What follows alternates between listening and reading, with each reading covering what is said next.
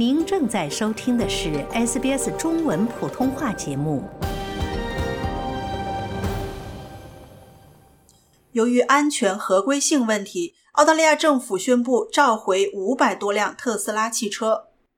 一月三十一日，澳大利亚联邦交通部宣布已召回二零二三年生产的五百零五辆特斯拉 Model 3汽车。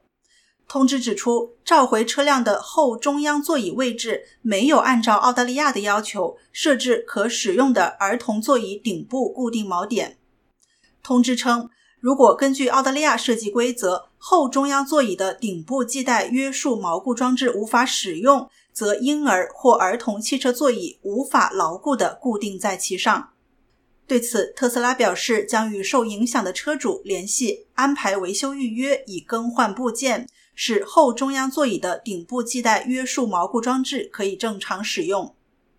交通部的通知强调，在此之前，消费者不应在后中央座位上安装婴儿或儿童汽车座椅，也不应该以其他方式将婴儿或儿童汽车安全座椅固定在顶部固定锚点上。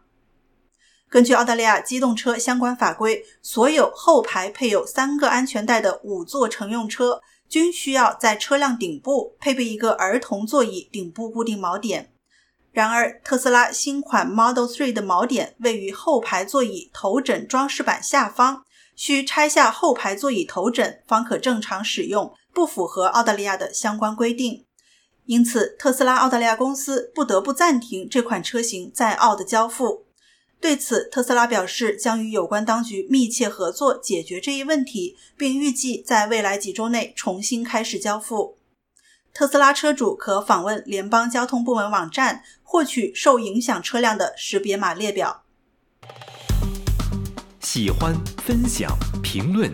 欢迎您在 Facebook 上关注 SBS 普通话页面。